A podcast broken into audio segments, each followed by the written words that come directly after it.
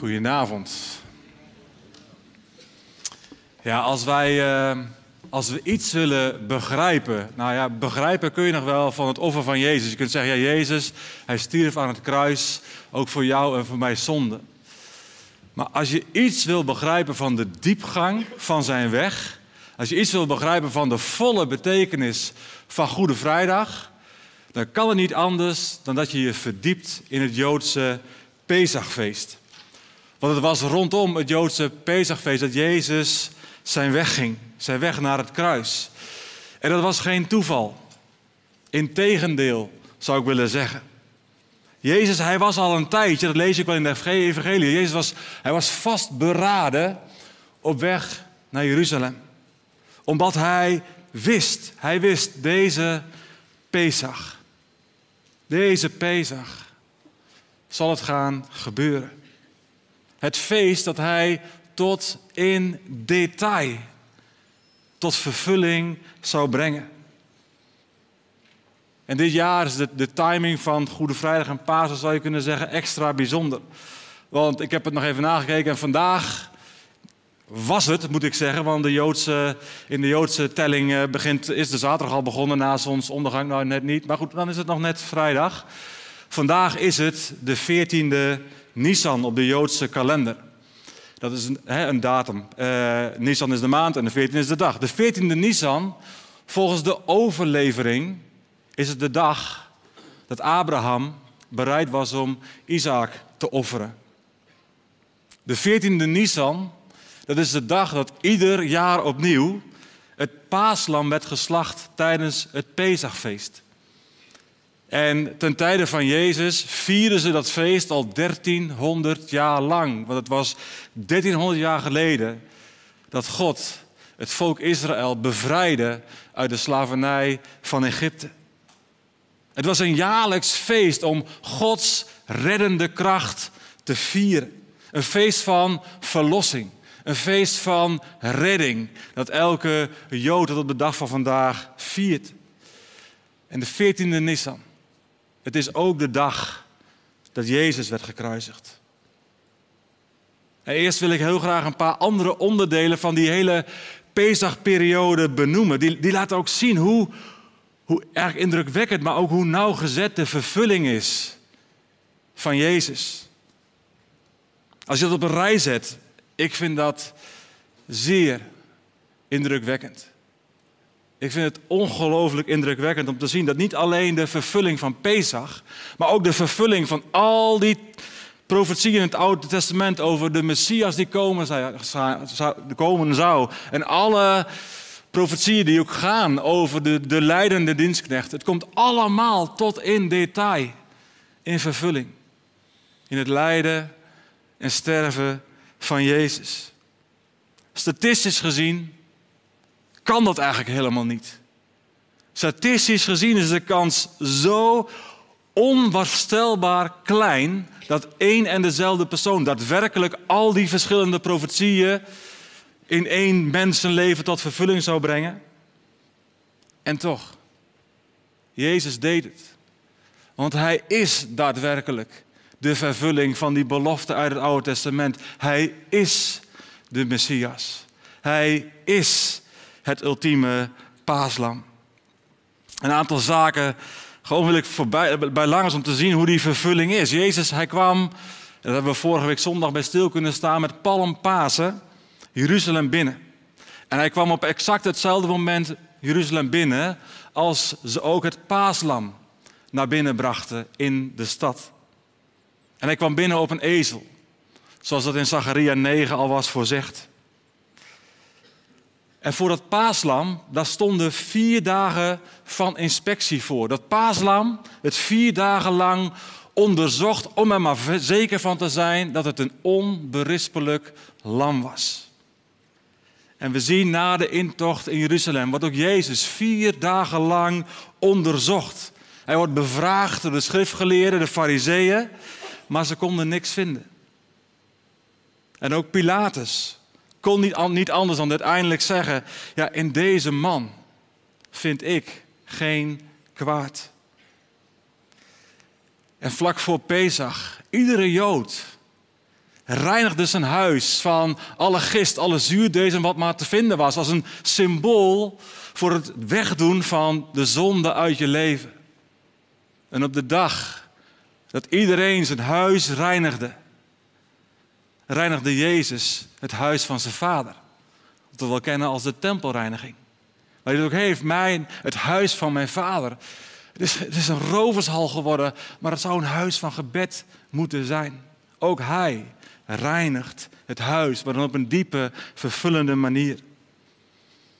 En op het moment van het offeren en van het sterven van het paaslam, als de hoge priester dat deed in de tempel, op dat moment, en het was drie uur s middags, dan sprak de hoge priester de woorden uit, en die kennen we, het is volbracht. Als dat paaslam in de tempel werd geslacht. En op exact hetzelfde moment klonken aan het kruis van Golgotha dezelfde woorden uit de mond van Jezus. Hij is het ultieme paaslam. Die het offeren van al die andere lammeren en bokken voorgoed overbodig maakt. En alleen dat al. Dat vinden we inmiddels heel normaal. Maar in die tijd, als je zo elke dag opnieuw in Jeruzalem werd geconfronteerd met die offerdienst. Altijd maar de dieren die geofferd moesten worden voor de zonde van de mensen. En is het dat ene ultieme offer van Jezus, wat al dat andere offer volledig overbodig maakt. Want het is het volledige, ultieme offer wat gebracht is. Lees alsjeblieft een keer, als je dat nooit hebt gedaan, Leviticus. En dan kun je denken, oh, al die offers, al die wetten, ja, al die offers. Ze zijn allemaal vervuld in dat ene offer aan het kruis. Dus wil je meer beseffen hoe diep dat offer is, kijk waar het allemaal voor staat. In Exodus 12 lezen we dat de botten van het paaslam niet gebroken mogen worden. En dat zien we ook over de Messias. In de Messiaanse Psalm 34 wordt het ook herhaald als, als David daar spreekt over de rechtvaardige. En we zien in de evangelie dat ook bij Jezus zijn beenderen niet worden gebroken. Omdat hij op dat moment al gestorven was. Want het was iets wat bij kruisiging juist heel gebruikelijk was om uiteindelijk eh, te zorgen dat het sterven sneller zou gaan. Maar ook bij Jezus werden de botten niet gebroken. In Psalm 22 lezen we dat zijn handen en zijn voeten doorboord zullen worden. Nou, op dat moment waren ze nog niet bekend met het fenomeen kruisiging. Zoveel jaar voordat dat plaatsvond. En toch stond het daar al in die Messiaanse Psalm 22. En dat is iets wat Jezus niet zelf heeft kunnen fixen. Al die profetieën, hij heeft niet kunnen regelen dat hij in Bethlehem geboren wordt. Hij zou kunnen zeggen, hij heeft kunnen regelen dat hij op een e- ezel Jeruzalem binnenkwam. Maar al die andere profetieën, hij heeft er geen invloed op gehad. Maar wel degelijk werden zijn handen en zijn voeten doorboord, zoals in Psalm 22 al werd aangekondigd. En in diezelfde psalm lezen we ook dat er over zijn kleren gedobbeld zou worden. Iets wat we in alle vier de evangeliën kunnen lezen. En dan de 17e Nisan, drie dagen later, was het feest van de eerstelingen van de oogst. En ook dat heeft Jezus vervuld. Zijn opstanding. Ja, daarmee is hij de eersteling. Hij is de eerste die is opgestaan uit de dood. En nog velen, en ik hoop wij allemaal, zullen en mogen hem daarin volgen. Weet je, dit zijn zomaar zeven punten. En er zijn er nog veel meer. Die laten zien hoe, hoe precies de vervulling is van Jezus. Van, van niet alleen de belofte van die Messias die komen zou, maar ook van het Pesachfeest. En elke keer als ik me hierin verdiep, in dat Pesachfeest, ook rond deze periode vaak, dan raak ik daar diep van onder de indruk. Jezus, hij, hij is het echt. En misschien zit je hier en twijfel je. Misschien zit je hier en ben je zoekend. Jezus, Hij is het echt. Hij is het echt. En straks kijken we naar de inhoud van het Pesachmaal, wat ons ook zal leiden naar de viering van het avondmaal. Maar eerst wil ik graag nog stilstaan bij, bij de motivatie van Jezus. Waarom ging hij toch die weg? Hoe, hoe is het mogelijk dat hij het daadwerkelijk heeft volgehouden om ja, daar aan het kruis te eindigen? Om die weg van lijden en sterven te ondergaan. De volgende vers uit Filippenzen 2 raakte mij de afgelopen week ook gewoon weer echt in het hart. Hij, die de gestalte van God had, hield zijn gelijkheid aan God niet vast, maar hij deed er afstand van. Hij nam de gestalte aan van een slaaf en werd gelijk aan een mens. En als mens verschenen, heeft hij zich vernederd en werd gehoorzaam tot in de dood. De dood aan het kruis. Alles draait bij Jezus om gehoorzaamheid. Vanuit liefde draait het steeds opnieuw om gehoorzaamheid. Het enige verlangen van Jezus is het doen van de wil van de Vader. Zoals hij dat zelf ook zegt in Johannes 4. Dan zegt hij, ik heb voedsel dat jullie niet kennen. Het is de wil doen van Hem die mij gezonden heeft en zijn werk voltooien. Hij, hij zocht Gods wil niet alleen, zoals wij dat ook kunnen doen, zoeken naar Gods wil, Gods plan voor het leven, maar hij deed het ook. Alles wat de Vader hem zei, alles wat de Vader van hem vroeg, alles wat de Vader hem liet zien, het kreeg van jongs af aan al een plek in zijn leven. En dan zou je misschien zeggen, ja, maar ja, het was natuurlijk wel Jezus. En, en dat maakt het voor hem natuurlijk wel een stuk makkelijker. Nee, ook Jezus moest kiezen. Ook Jezus moest elke dag opnieuw heel bewust kiezen om de wil van de Vader te doen. Zoals Hebreeën 4, vers 15 dat verwoordt. Hij werd in alle opzichten, in alle opzichten, werd Jezus zoals wij verzocht. En hij kende menselijke zwakheden, maar hij maakte geen verkeerde keuzes. Hoe heeft hij dat toch vol? Hoe heeft hij dat toch gedaan? Tot aan de, de Godverlatenheid aan het kruis aan toe. Totdat hij dus steeds opnieuw aan de ene kant koos hij voor de wil van de Vader. En was dat het hoogste goed in zijn leven? Ik wil leven tot eer van de Vader. Ik wil zijn wil doen. Ik wil zijn wil leven. Aan de andere kant ook steeds zicht houden op de vreugde die voor hem zou liggen. Gehoorzamen en zicht houden op de vreugde die voor hem zou liggen. Die toewijding aan de wil van de Vader. Ja, kwam tot het zichtbare. Kwam tot een ultieme climax in Gethsemane. Want wat een strijd had Jezus daar te vieren. Hij wist heel goed dat in de uren erna zou hij alle gruwelijke zonden van deze wereld op zich nemen. Maar ook wegdragen als dat vlekkeloze lam van God. Maar hij zag er zo tegenop. Jezus zag er zo tegenop. We kunnen niet denken, oh wat fijn dat Jezus aan het kruis gestorven werd, dat kunnen we wel denken. Maar hij zag er zo tegenop. Hij wist dat de, de weg naar verlossing, de weg naar vergeving, de weg naar redding en bevrijding, het zou onmenselijk zwaar zijn. En toch, oh dank u Jezus. Want ook daarin was het zijn diepste verlangen om de wil van de Vader te doen.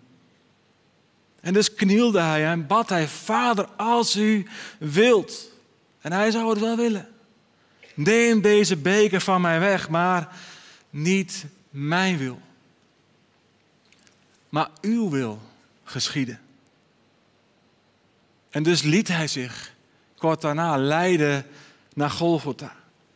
Om te worden geslacht als een paaslam. Ook voor jou en ook voor mij. Wat een toewijding. Wat een keuze. Wat een liefde. En, en omdat Jezus steeds de focus had op de, op de wil van de Vader, ja, daardoor ontstond die weg van verzoening en verlossing en bevrijding en reiniging voor ons allemaal. En weet je, dat mag ook onze focus zijn. Ook daarin kunnen we leren van Jezus. Als wij, als wij in ons leven gericht zijn op het doen van de wil van de Vader. Als wij elke dag gewoon de dag instappen. En het enige wat we willen die dag is leven tot eer van zijn naam. Hoe kan ik God eren in wat ik vandaag te doen heb? Dan zal dat betekenen, als wij steeds gespitst zijn op het gehoorzamen, op het zoeken naar de wil van de Vader en bereid zijn om dat te doen, dan kan het niet anders. Maar dan zijn ook wij kanalen van redding. Als jij steeds gefocust bent op de wil van de Vader, dan ben ook jij een kanaal van vergeving, van herstel, van bevrijding, van verzoening. Niet mijn wil. Niet, niet onze wil. Maar uw wil geschieden. Dat mag blijvend, juist vanuit Gethsemane. En, en de aansporing blijven voor ons allemaal. Want Jezus, Hij wil het Pesachfeest vervullen. Met alles wat erbij hoort. En als we kijken naar Pesach zelf, dan is de Pesachmaaltijd daarin het, het hoofdelement. En tijdens die maaltijd stelde Jezus het avondmaal in, wat we straks ook gaan vieren samen. En laten we kijken hoe hij dit deed.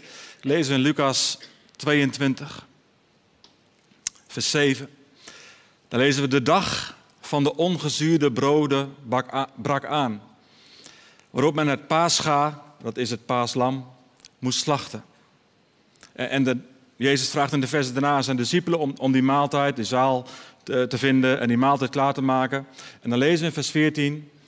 En toen het uur gekomen was, ging hij aan tafel aanliggen. En de twaalf apostelen met hem. En hij zei tegen hem: Ik heb er vurig naar verlangd. Dit paascha met u te eten, voordat ik ga lijden. Want ik zeg u dat ik daar zeker niet meer van zal eten, totdat het vervuld is in het koninkrijk van God. Hier zie je dus ook dat Jezus zelf aangeeft dat het Pesachfeest tot vervulling zal komen in het koninkrijk van God. In Hem, in de koning, die, die eerst nog zal sterven als leidende dienstknecht. Vers 17. En nadat hij een drinkbeker genomen had en gedankt had, zei hij: Neem deze en, en deel hem onder elkaar. Want ik zeg u dat ik niet drinken zal van de vrucht van de wijnstok totdat het koninkrijk van God gekomen is. En hij nam brood. En nadat hij gedankt had, brak hij het en gaf het aan hen met de woorden: Dit is mijn lichaam, dat voor u gegeven wordt. Doe dat tot mijn gedachtenis. Evenzo nam hij ook de drinkbeker na het gebruiken van de maaltijd en zei: Deze drinkbeker is het nieuwe verbond in mijn bloed, dat voor u vergoten wordt. Die, die Pesachmaaltijd was een zeer bijzondere maaltijd. Eigenlijk ieder detail van de maaltijd lag vast. En ieder detail van de maaltijd was bedoeld om herinneringen op te roepen. En zo was het paaslam dat geslacht werd een illustratie van het principe van plaatsvervanging. En net voor die uittocht uit Egypte, net voordat het volk bevrijd werd uit de slavernij van Egypte,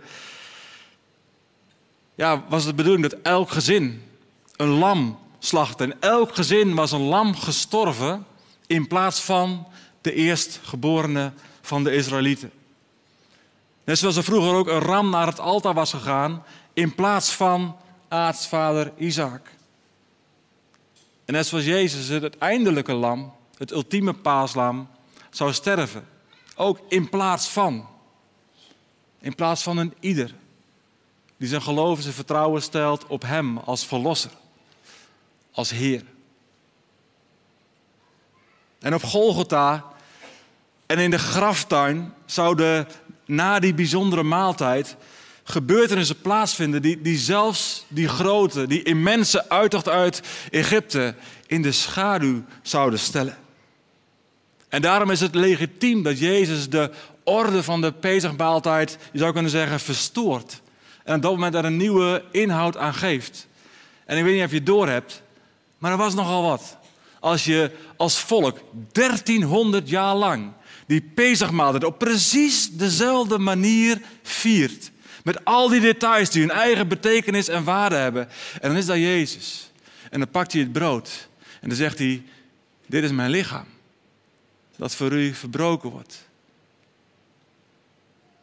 Dat was, als het niet Jezus was, als het niet daadwerkelijk het paaslam was, dan was dat zwaar blasfemisch wat hij daar deed. Dan was dat godslastering wat hij daar deed.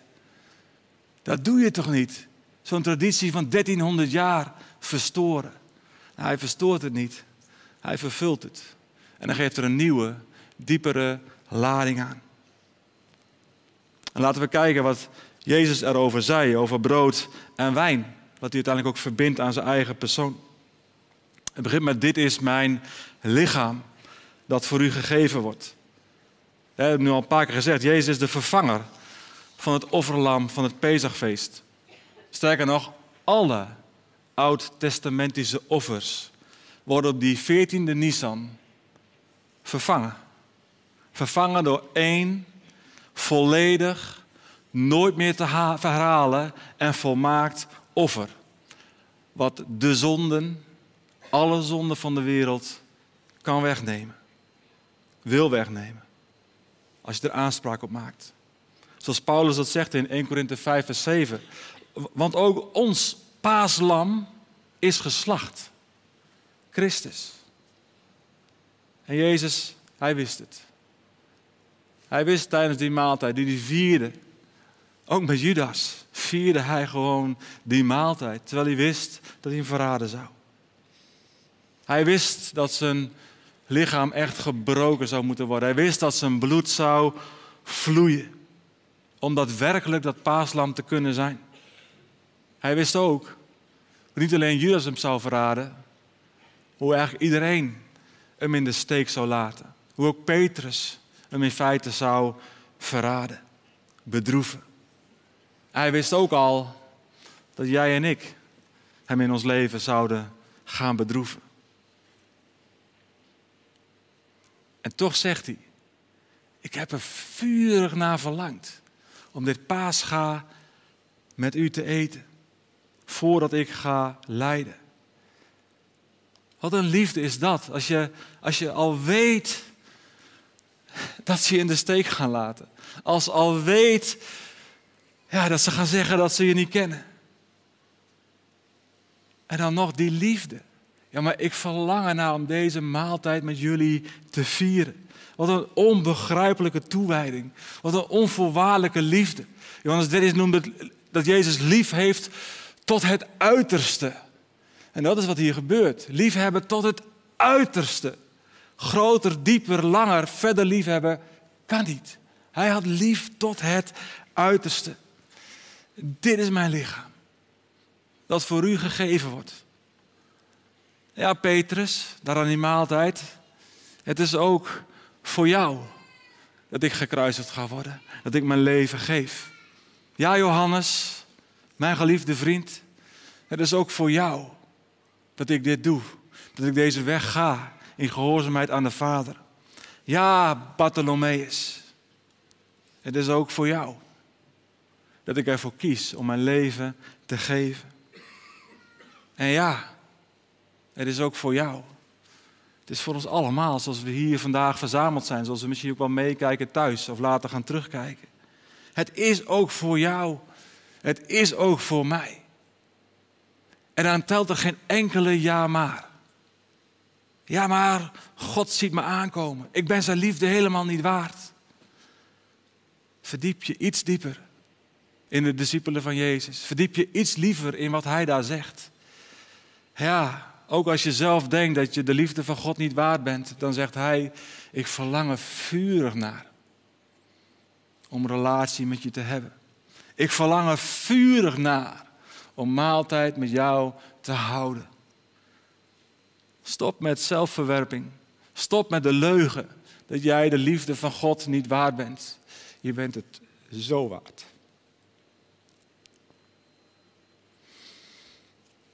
Want Jezus, hij brak dat brood. Hij nam het. En hij, hij brak het. Zijn lichaam werd uiteindelijk ook verbroken, verscheurd. Hij zegt, dit is mijn lichaam. Wat ik laat verbreken. Voor ons allemaal. Zullen we daarvoor danken op dit moment. Heer Jezus.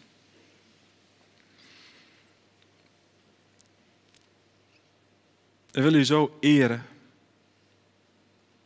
Dat u steeds opnieuw zoekend was naar de wil van de Vader. En dat u gehoorzaam bent geweest tot in de dood. Dat u tijdens die Pesachmaaltijd al precies wist wat er zou gebeuren. En dat u ervoor koos om het te vieren met uw discipelen. U had hun verlossing, hun redding al voor ogen. Net zo goed als u onze verlossing en redding en vergeving en bevrijding al voor ogen had. Maar Jezus, we kunnen niet anders dan u intens danken. Dat u die weg helemaal hebt afgelegd. Gehoorzaam tot in de dood. Om ons nieuw leven te schenken. Dank u, Jezus. En ik bid ook als we straks ook het avondmaal vieren en ook brood ons nemen. Heer, dat het gewoon ook het besef weer dieper mag worden. Dat u zichzelf gaf. En dat we daarin ook u mogen navolgen. In gehoorzaamheid aan de Vader.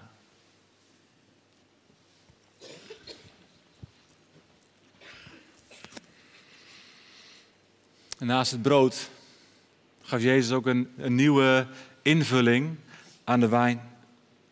Vers 20, deze drinkbeker is het nieuwe verbond in mijn bloed, dat, dat voor u vergoten wordt.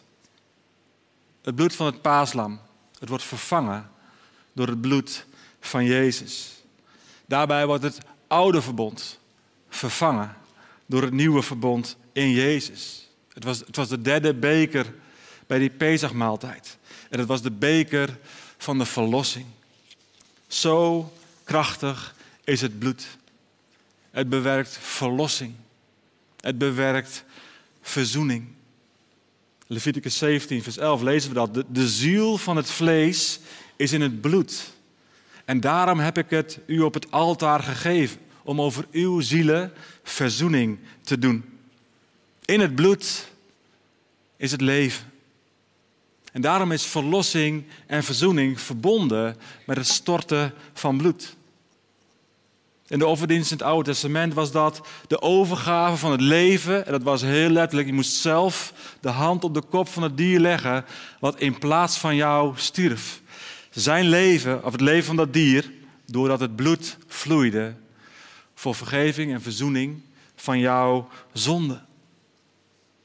Een onschuldig dier wat stierf in plaats van de schuldige mens. En zo is het ook met de uitstorting van het bloed van Jezus. Zijn leven, hij heeft het gegeven, hij heeft het overgegeven voor al onze zonden. Voor ons leven zonder God. En de waarde en de kracht van het bloed van Jezus is de waarde van het leven van Jezus. Want in het bloed is het leven. Dus als ik deel heb aan dat bloed, doordat ik in Jezus geloof, maar ook doordat ik er in gehoorzaamheid aan zijn opdracht om de beker te nemen, om de wijn te drinken, om hem daarin te gedenken. Als ik de vrucht van de wijnstok tot me neem, oh, dan geloof ik dat daarin ook het leven van Jezus in mij stroomt. Dan deel ik in de verzoening die het heeft bewerkt. Dan deel ik in de vergeving die het al lang heeft verworven. Dan deel ik in die goddelijke agapaliefde waar de ultieme uiting van is. En daarom mogen we de beker, die ook de beker van de dankzegging is, ook drinken vanuit diepe vreugde en dankbaarheid. We, we, mogen leven met God. We mogen een geliefde zoon en dochter zijn van de Allerhoogste God. Dankzij Jezus. Dankzij zijn bloed, wat vergoten is voor jou en voor mij. Het is volbracht. Het is volbracht voor altijd, voor eeuwig, voor alles. Wij kunnen daar, wij hoeven daar, wij mogen daar helemaal niks aan toevoegen. Want het is volbracht. En dat mag ons nieuw verwonderen vandaag. Daarom wil ik ook die beker opheffen. Als Jezus zegt, deze drinkbeker. Het is het nieuwe verbond in mijn bloed. Het is de beker van verlossing. Het is de beker van dankzegging. In Psalm 116. Het is de beker van bevrijding, van redding. Eh, en we heffen hem op. En Heer Jezus, de beker van dankzegging, we heffen hem op. Uw bloed is gevloeid voor ons heel persoonlijk. En Heer, ik bid ook in de viering van het avondmaal, zodat we dieper zullen beseffen dat uw bloed ons reinigt. Dat uw bloed ons witter was dan sneeuw. En dat in uw bloed het leven is. En Heer, doorstroom ons met uw leven. We eren u en we bidden zo ook een zegen straks. Ze ieder nemen. Oh, dat u daarin stroomt. Met uw kracht. De kracht van vergeving, van verzoening, van verlossing, van bevrijding, van reiniging. Jezus, dank u voor uw bloed. Halleluja. Amen.